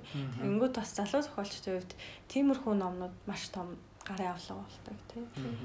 Тэгээд э, бас энэ яг энэ цаг хугацаа хэлний хувьд болохоор зохиолчдын намтар тэгээд арга барил тэгээд ном гэсэн юм тий юм юугаар ингэж яасан. Тэнгүүд одоо зохиолчдын намтрыг бас давхар унших бас их сонирхолтой байсан тий. Одоо мэдгүй одоо ихэнх нь одоо юу гэдэг номын уншаалт зохиолчийн талаар мэдгүй юм бол анханасаа л тэр зохиолчд угаасаа л юм лаг зохиолч болоод хүрсэн юм шиг тий уншигчд бол тэгжил ойлгоно тий одоо магадгүй кино найруулагчдаг бол яг шагнал авч байхад нь анханасаа л энэ хүн яг ингээ шагнал авч байгаа тэр нэг алтан мөчөнд л харагддаг тий гэтэл тэр тэр хүртэх одоо тий энэ номыг бичих хүртэл энэ амжилттай зохиолч болох хүртэл тэр найруулагч болох хүртэл замнал нь юу байсныг нь уншигчд одоо нэг их тодорхой биш байх. Тий. Тэнгүүд тэрийг унших бас их сонирн байсан. Тэгээд наа ёстой янз янзын амьдралыг туулж те зарим нь ч ёстой хувь тавилангаа бүр ингээд те ёстой өөрийнхөө хүчээр эргүүлж зарим нь ч өөртөө олцсон тийм тааламжтай хувь тавилан те улам хөгжүүлж те авяасаа улам хурцлж байсан. Тэгэл айгүй олон тийм хувь тавилан туулсан тийм зохиолчдын намтар ингээл өмнө ингээл дураагаал олноо олноор нь уншихад бас их гоё байсан. Би нэг хэдэн ойтон багтаа би нөгөө нэг ямар ч зохиол ямар ч шүлгийн артлын оны айгу хардаг байсан. Аа, Тэгээд зохиолчийн оныг төрсөн оныг хараад хасаад за энэ шүлгийг хэдэн Эдэн настайдаа он. биччихвэ гэж заяа. Айгу барьцсан тэрнтэй заяа. Тэгээд зохиолч юм уу орчуулах ч гэсэн хэдэн онд энийг хийж тэгээд хэдэн настайдаа хийж гэдгийг айгу харж одоо тэ хөөхөө уралдаад байгаа юм уу те одоо санаандаа бол уралдаж байгаа шүү дээ. Тэгэхээр одоо на- намайг одоогоор хамгийн урмыг маань хугалсан ганц л хүн байгаа тэр нь Артур Рембо 17 одоос зөөд ажиллахаа оргил төрсөн. Босton ч гайгүй. Босонтой нь бол уралдаж орлаад байгаа. Алис Монро ихч минь бүр 50 гарч ээж Уран зориг гарч өгч байгаа. 50 50 гарч ээж те гол өгүүлбүүдээ битсэн тэр бодлоо гэрээ эзэгтэй сонгууч хүртлээ завсар цаг уншсан. Тэгээ 50-аас 80 хүртэл тэр 30 жилийн хугацаанд Анхны голлоод одоо анхны намаа гарлаа яла. Өгүүлгээ чивлүүллээ. тий өгүүлгээр Тий, хэлүүлсэн өгүүлгээр баг. Тий. Тий. Тэгээд ер нь бол алдаг оног байж байгаа амар том Тий. уран зориг. Яг 50-аас хойш 80 хүртлээ бол тасралтгүй гэсэн Би байна. дөнгөж сая нөгөө Памукын ном дээрс би 35 таада өөрийнхөө хамгийн агуу арманыг бичих хүсэлтэй Стамбулын гудамжаар тэнвчилж явлаа гэсэн өгүүлбэрийг уншаад за ер нь бол боломж байгаа юм байна гэж бас бодчоо босоод ирсэн шүү. 35 таада гэж байгаа байхгүй юу? Насыг чи харин гэж Тэр агуу арман бич хүслээ тээцэн. Стамбулын гудамжаар алхаж явсан гэж шүү тэр. Тэгэхээр чи бас л тэгээ боломж байгаа л гэж бодож байгаа байхгүй юу? Тэгээд тийм Тони Моррисон гэсэн тий айгүй олон жил редактор хийж гад Тий. Хэдэн жил вэ? 17 17 жил. 17 жил тий. Тэгээд карьер нь үл их хооно хийсэн. Тэгээ хойно Тэр хооронд чинь тэр random house суугаад редактор хийж байхдаа тэр чинь текстийн арга барил илүү бас Бүх юм эзэмшижсэн байна. Тэгээ өөрөө тэр шин зохиолчдыг гаргаж ирсэн байгаа байхгүй юу бүр бүр танилцуулсан гаргаж ирсэн тийм Муракамига гарч бас шахан тайвшрал. Энэ маань одоо баар ажиллаж явж байгаа чаас түч гараал тэгээ. Хайгуу тэгээ тайвшраад одоо тэгээд. Энэ номыг анх эхлүүлээд энэ номыг дуусгасан дуусгах хугацааны тэр бямб нямд ямар өөрчлөлт гарав. Амар сэтгүүлч асуулт асуусан. Та яг энэ чинь яг мэрэгжлийн ухаас уран зохиолоо дагнын судалдаг ч гэдэм үү энэ салбарт төгссөн үнэ хувьд бол их л том олз болж байгаа юм л да. Би зүгээр жирийн уншигчийн хэмжээнд үүдээ ном бичээгүй байсан бол тэр бүх зохиолчийг тэгээ шүүдэж үзэх надад тийм цаг цаа байгаа ч гаргаач уу эсвэл гэдгийг тэгж өөрөө ажиллаач мэдэхгүй шүү дээ тий. Тийм учраас ямар ч нин шин үе гэсэн нэг бүхэл бүтэн үеиг бол ерөнхийд нь багцаалаад бүгдийг нь одоо нэг нэгэн гүөхин цаашаа тий. Ерөнхийд нь багцаалаа мэдчихэж байна. Яг орчин үеийн уран зохиолын бичлэгийн арга барил нь ийм байдгийм байна. Агуулга нь ерөнхийдөө ийм нэг талаар гардыг байна. Энэ зохиолчд нь хилэндээ хүртэл ингэж анхаард юм байна. Зохиолынхоо баатуудын хилийг хүртэл төвшин төвшнгөөр нь ялгсан тохиолдол хүртэл байгаа шүү дээ тий. Баатуудын хил өөрөө хараа ярианых байх уу эсвэл бүр сурвалжтны дээд найруулах байх уу нүсдгийг хүртэл ингэж анхаарсан байдаг. Маш нарийн гэрхай байдаг юм байна гэдэг ч юм уу. Өөртөө олж авсан зүйл нь жишээ энэ номонд ороогүй зөндөө олон цаана миний мэдэж авсан юмнууд шүү дээ тий. Одоо фринтэлээ тавьдсан энэ олон тэр давхар цааснууд дунд чинь миний бас тэндээс мэдэж авсан багтаагааг үзүүлж гисэн байгаа шүү дээ. Тэрээс бас миний зүгээр уран зохиолын сонирхдаг, судалдаг гэдэг юм уу энэ мэрэгчлэр төгсөн өнөрт бол нэлээд том олцол болсон л доо. Манай одоо уншиж байгаа залуучууд маань юу эндээс олж аваасаа гэж бодож байна вэ? Энэ идэвхтэй уншлага гэж тэр номондоо миний дуртаад байгаа ганцлалтхан тэр ерөөсөө залуучууд бол уран зохиолын текст бичвэр гэдэг маань ялангуяа энэ сүүлийн үеийн нэн шин үе гэдэг байгаа далаад анаас хойш бичиж байгаа. Яг одоо өнөөдрийн бичиж чаддаг уран зохиолын бичвэр гэдэг бол зүгээр реалист зохиол шиг нэг уншаад авах ёстой бүх юм аваад цааш нь шийдчих зүйл биш юм байна л да. Их олон дахин давталтай уншилж шаардна их олон эрх зүйлэмж шаардна. Тэнд нөгөө түрүүний та ярьсан шиг тэр нөгөө шигчийн оролцоог их шаарддаг тийм асуудал. Тийм учраас зохиолын нөгөө өөрөө олж харж чадахгүй байгаа тэр зүйлийг зохиол дотроо их олон удаа тэнүүчилж юм уу зохиолын үйл явдал тундуур туучиж олж гаргаж ирэх өөрөө ухаж гаргаж ирэх өнгөн хөрсийг малтах ш доор нөгөө тэр алт эрдэнсийг ухаж гаргаж ирэх тригээрээ өөрөө юм уралдаг байх гэдэг хамгийн гол тэр чанарыг л өөртөө суулгаж аваасаа л гэж бодож байгаа. Тэгэхээр уншигч бай гэж бодож байгаа бол тэр алт эрдэнсийн дороос нь ёроолоос нь ухаж гаргаж ирээ тэргээрээ өөрөө бас юм бүтээдэг, уралдаг. Үгийн тийм урлаач байгаасаа болоосаа л гэж хүсэж байгаа юм л да. Тийм ч учраас тэр зохиолчдын нэг зохиолчийн тухай яриан дотор их олон номуудыг багтаагаад дараа нь яг өгөхтэр тэр тухайн орноос мөн тухайн зохиолчоос яригдаг үлдсэн номуудын дагуур байдлаар хадаж өгсөн тийм учиртай. Тэгээ нэгдүгээрт бол зүгээр энгийн харах юм бол унших лист болчихж байгаа чигсаалт болчихж байгаа. А гярхан уншигчийн үүднээс харах юм бол энэ бол бичлэгийн урд чадвар суралцах, бүтээлчээ суралцах бичвэр л болчихж байгаа юм л та. Тим зүйлийг багч гисэн эзэмшээд тэгээ тэр эзэмших хүслийг нь өдөөж өгөх, тэр лүү хурж очих гүүрэн л миний ном болосоо л гэсэн үгнээс. Миний хувьд бас тэгж бодогдсон. Тийм нэг шинэ үеийн одоо тий шинэ үеийн орон зохиолыг ойлгож мэдэх бас айгүй энгийн хэлбэр. Тийм сонирхолтой хөтөж байх нэ гэж харагдсан. Ялангуяа дотоодын уншигчдын хувьд э, ялангуяа манай одоо уран зохиолын зах зээлч эсвэл бестселлер те борлуулалтаа ном эсвэл сонгодог гэдэг те хоёр төл рүү хитрхи ханарсан байдалтай байдаг штэ те хэвлэлийн газрууч ч гэсэн магадгүй айгу найдвартайгаар нь классик хэлөө огчвол гаргадаг ч юм уу тий. Тэнгүүд яг пост модерн ч юм одоо яг одоо энэ цаг үед тойрвж байгаа. Тэгэхээр нөгөө сэтгэлгээнд одоо хүн төрөлхтний сэтгэлгээнд шин зүйл авчраад уран зохиолын одоо тэ арга барил шинийг эрэлхийлээд байгаа энэ зохиолчдын а зохиол бүтээлүүд яг орчин цагийн гэхүү те орчин цагийн шилдэг одоо тийм чансаатай уран зохиолын бүтээлүүд бас нэлээд л ховор бууж байгаа юм л да тий. Яг тэр утгаараа манай дотоод уншигчид бол жаахан одоо нин шинэ үеийн уран зохиолын тэр нөгөө одоо түрүү ярьсантай тойруулц арга барилтанд төдийлн дасаагүй ч байд юм уу те. Тэгээд дасаагүй ойлгоогүй болохоор ч юм уу те ерөөсөө зүйд хүртэгдэж ойлгогдчихгүй тийм учир замбраагүй юм байдаг ч гэдэг юм уу те. Нэг тийм ойлголттой байгаад ах шиг байсан. Тэгээд тэр ойлголтыг ч юм уу одоо тэр уншигчаа одоо уран зохиолын мэдлэгт аяга хувь нэмэр болохоор те. Тэгээд зохиолчдыг яг тэр үнэхээр тэр одоо арга барилаар нь те ингэж нээхээр тийм ном болсон санагдсан. Тэгээд яг нөө толстой үг байдаг штэ. Ойлгосон бүх хүмүүс зөвхөн хайрлсны үрээр гээд. Тэгээд тэр толстой үг толстой хувьд бол те юмыг хайрлсан болохоор ойлгосон байгаа байхгүй тий. Хайр таашаал тий.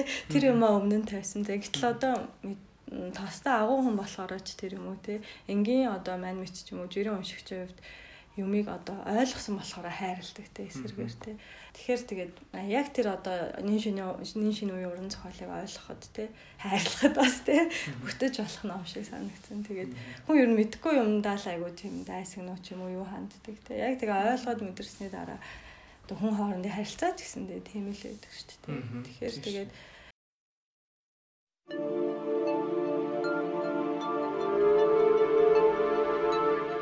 Зугаацах гэж сургамж авах гэж, мундаг болох гэж бүү унш.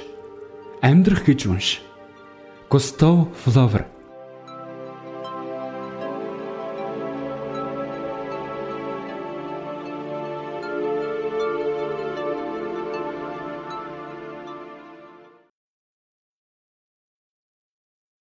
Яг манай тагтаа паблишингийн хувьд бас яг саяны ярьсан дээрээ тулгуурлаа ярихад нэг шинэ үеийн шинэ үеийн уран зохиолыг бас уншигчтай тий хүрхийг бас зорддог. Яг одоо Монголын уран зохиол хэвлийн зах зээл дээр байгаа энэ хоосон орон зайг тий багч болтгой нөхөхийг зорж тэгээл одоо өөрсөндөө их л авраж байгаа юм.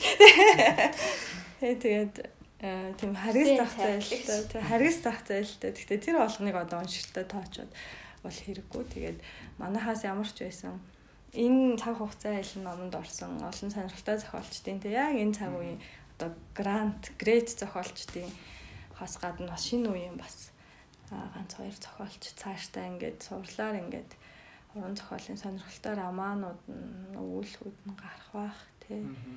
Тий тэгээд бас яг гоо нөгөө бестселлер гэж яригддаг шүү дээ тий. Pulp Fiction bestseller adult fiction. Young adult fiction. Ер нь бол жанр fiction л дээ тий. Жанр fiction буюу жороор биччих болдог. Тий ингээд юу бичих тодорхой арга барил нь тодорхой.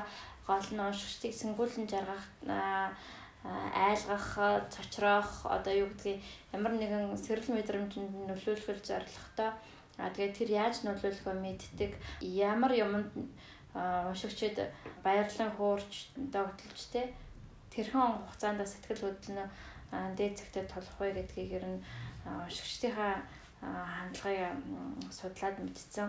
Тэрнийхээ дагуу бичигддэг ийм зохиолууд тий. Тэгээд засал дээр гараад маш одоо амжилт олдог шүү дээ тий. Тэгээд том жор байна. Жор байна. Тэгээд тэрийг одоо genre fiction гэж нэрлэдэг. Genre fiction гэдэг дотор одоо тэр young adults буюу одоо залуу насны өсвөр өсвөр насныхан зориулсан тэдний сэтгэл зүйн онцлогийг мэдчихсэн, юу сурах гэдгийг мэдчихсэн. Тэгээд тэрийг бичиж өгдөг Асуул одоо триллер детектив байна тий. Вампир тий. Вампир гэдэг тусгай юм шүү дээ. Вампир зомби гэдэг тусгай төрлийн ангиттай тий. Нэг бүр тэмдэн юу яатсан.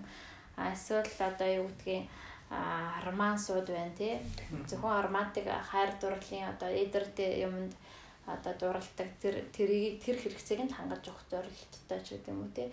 Иймэрхүү ингээл эднэрийг одоо жанр фикшн гэж нэрлэдэг тий.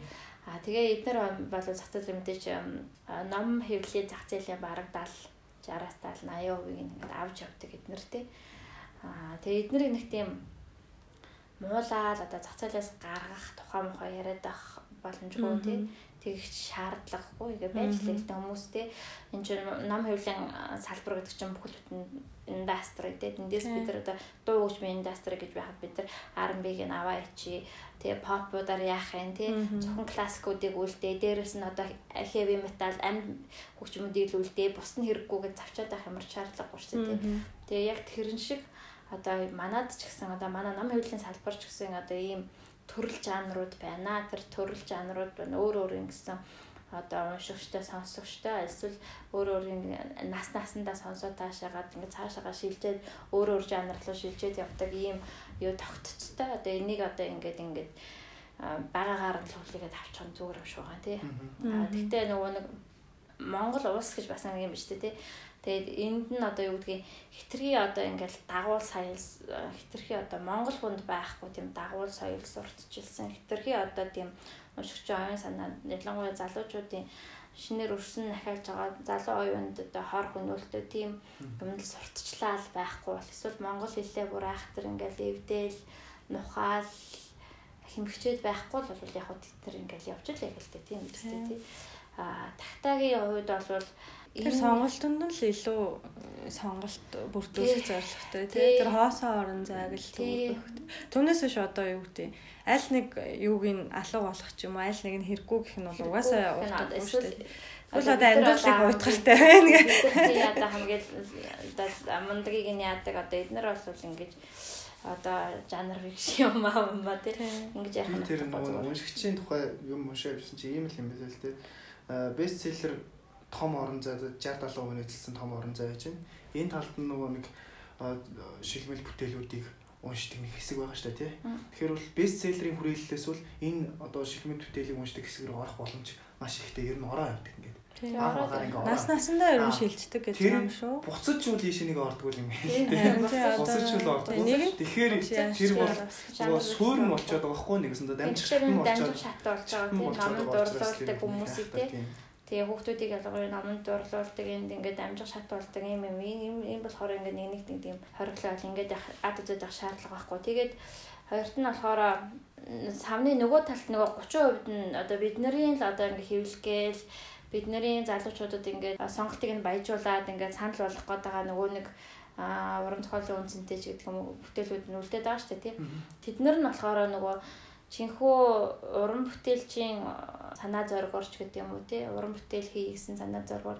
А яг уншигчийн таашаалыг дагаж бишаа тэрийг дагуулж тий бичигддэг ийм л зохиолууд байгаад байгаа юм л та. Тэгээд энэ зохиолууд бол үеийн үед а ирээдүйд ч гэсэн ингээд зах зээлийн 30% л эсвэл ингэж байж лээ тий ингээд байж лээ гагцгүй энийг болохоор мэрэгжлийн үүднээс одоо шүүн хэлцээ. За энэ нь бол үнэхээр одоо уншигчд маань уншаач ээ. Энэ бол ингээд уран зохиолын чихэмгүй сайн бүтээл юм аа. Ийм ийм юм уушраа сайн бай гэж ялгаж хэлж өгдөг уран зохиолын шүүмж судал гэж байна тий. Энэ нь болохоор одоо энэ хоёрыг л ялгаж өгөх нь лан давын өмнө зорилго шүү дээ. Ерөнхийдөө тэр хүрээлэлээс энэ хүрээлэл рүү хүмүүсийг авчиж замшилж өгөх нь ер нь замшилж өгөх нь тэр гол зорилго шүү дээ тий. Нэг болчиход байгаа Тий, нийгэмд гүйцэтгэхний тэргүүний нь. Аа тэгээ хоёрт болохоор бид нар ч нөгөө бүхэл бүтэн индастри гэж түрүүнээс хойш ярьсан. Тэгэхээр нөгөө нэг чухам 30% хамгаалж үлдэхэд бол индастри ч бүхэл бүтээрээ ажиллаж идэг л байхгүй тий. Шагналын тогтолцоогоор алдарнаар хуваарлах тогтолцоогоор тий гих мэтлээ та нар одоо юу гэдгийг Нобел авсан Twilight ч юм уу Нобел авсан одоо юу гэдгийг Артур Канан Дойл гэж сонссон уу тий. А тэгтэл нөгөө Орхон Памук нөгөө Кундеран нөгөө одоо юу гэдгийг Умберто Экон л яригддаг. Тэгээ тэднэр нь л одоо ингээд утга зохиолын хүнзэнтэй бүтээлүүдээс нэрлэгдээд тэднэр нь мэрэгжлийн шүүм судалгааны судалгатгун болоод тэднэр нь одоо мэрэгжлийн уран зохиолын шагналуудад ингээд удаа дараал ингээд нэрлэгдээд явж идэг. Тэгээ нөгөө шагналын тогтолцоо бол яг л энэ 30 талыг л заагалж өгөхөд л байгаа шүү дээ бас тийм Тийм болохоор яг хуу ном руугаа буцаад ороход тий нөгөө 30 талын харьцааны 30 30% нь байгаа энэ зохиол энэ зохиолууд энэ уран зохиолын энийг нэг хэсэг рүү одоо аль болох олон зорчигчийг одоо тээж аваачихад бас чухал үүрэг чиглүүлээд гүйцэтгэх байх. Тэгээ ер нь нөгөө хин хэлсэн блэ жавхлан сонсож жаргалтай амьдарч болно. Би бол жавхлан дуртай л да. Тэгээ жаргалтай амьдарч илээ. Тэр нь болохоор яг одоо нөгөө зохиолын дуу сонсох, классик сонсох ер нь өөрт нь таашаал бол ямар амартай л хэлсэн шиг байна. А ихтэй зүгээр аа нөгөө цаана нь юу ялгаатай юм бэ те? Чамаас юу хүсэж байгаа юм? Чиний дуртай ямиг бэлдээд аваад ирсэн ямиг чамаа чамаа хөгжүүлэх үү? Чиний огт мэдхгүй мэдрэхгүй мдээгүй байгаа ертөнцийг чамд танилцуулж чамааг тийшээ оруулж хөтөлж чиний өмнө шинэ ертөнцийг нээж байгаа зүйл чамд илүү үнцэнтэй гэдэг л. Аа байгаа юм тий. Яг яг л адилхан л та нөгөө кинонд ч гэсэн одоо тий арилжааны арт хаус кино гээл тий яг л одоо нэг 30 70-ын л бас нэг иймэрхүү харилцаа яригддаг баг тий. Тэгэл хөгжимч гэсэн pop soul indie мэндэ гэж 9 шү дээр затраал явдаг. Тэгээд яг тийм л дээ ер нь гол нь болно шүү дээ одоо тэгээ насаараа бестселлер ном уншаад жаргалтай амьдарч бас болно те. Гэхдээ тэрний цаана бас ийм ахих боломж байна шүү гэдгийг зүгээр мэдээд те. Тэрийг оролдож үзээ уншиж үзэх нь яагаад болохгүй гэж те хүн те. Тэгээд яг одоо юу гэдэг айгүй амлах байна л да. Түрүү цай бямба ярьсан шүү дээ. Одоо нэгэнт бестселлерээ одоо нэг шат амжилга болоод одоо дөнгөж 10 хэдтэй хүүхэд те. Умурт эког барьж аваад уушхад бол ойлгоход хэцүү шүү дээ тийм эсвэл хүн дээрх ч юм уу эсвэл одоо Брана Карина тий эдий сонгодог амархан ч гэсэн тий тэрийг барьж аваад уншснаас илүү Harry Potter унших нь хамаагүй гоё тий. Тэгэхээр тэгээд эдгэр бол одоо ингээд тий тэр нас насанд тохирсон хүүхдийг одоо номонд дурлуулах нэг бас нэг тий анхны анхны тий шат тэгээ одоо ном бариад ингээд номын амтанд орох юм бас тийм ид чидэг бас мэдрүүлж байгаа байхгүй. Тэргээрээ бол бас гавьяатай. Тэгээ тэрний цаашаа харин ихэнх уншигчид ялангуяа одоо орчин цагийн уншигчид бол айгүй тийм одоо юу гэдэг айл нэг одоо ямар нэгэн тийм жороор ч юм уу ямар нэгэн зүйлээр ингэж таашаалаа удирдуулахтаа айгүй дургу болсон байна л да. Тэнгүүд одоо орчин цагийн ихэнх уншигчид бол бестселлерийг ч хүснээрээ уншдаг те одоо энэ 30-д байгаа те энэ номнуудыг ч хүснээрээ уншдаг те ер нь хинээр ч одоо те таашаалаа нэг заалах дургу болсон байна л да. Бас нэг тийм айгүй тийм бие даасан тийм тий ребел тийм тэрслүү шинжтэй болж байгаа хгүй манай залуу уншигч тэр нь одоо бас их таалагддаг ямар нэгэн юмд хайрцаглалтыг хүсэхгүй болоод эхэлж байна. Ер нь тийм штэ юу канонд дээр ч гэсэн би зүгээр хаяа ингээд зүгээр ямар ч одоо юуг дарамтгүй зүгээр хөнгөн кино үзэх айгу сайхан байдаг хгүй тий тэр шиг хүний нөгөө нэгтгэл судлалын төлөв байдал чинь бас чинь хүн л болсон. Тэнийг байнга л нэг тийм амар бодлогоширсан ертөнцийн тухай халиасан тийм сериосны байгаад байх ямар шаардлага заримдаа бас тийм ягаад Harry Potter-тай хамт байгаад ээжидээ орноороо хэлж болохгүй гэж тийм үстэй. Тэгээд энэ чинь аа тэгээд уншигчдын сонголтын асуудал тийм.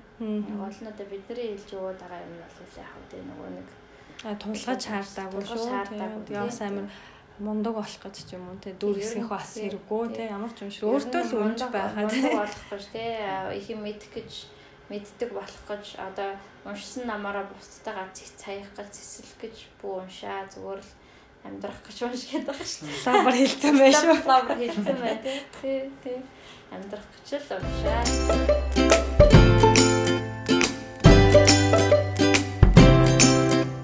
Тагта хөвлийн газар Тулгатай уншигчдийн цугларах оюуны кафе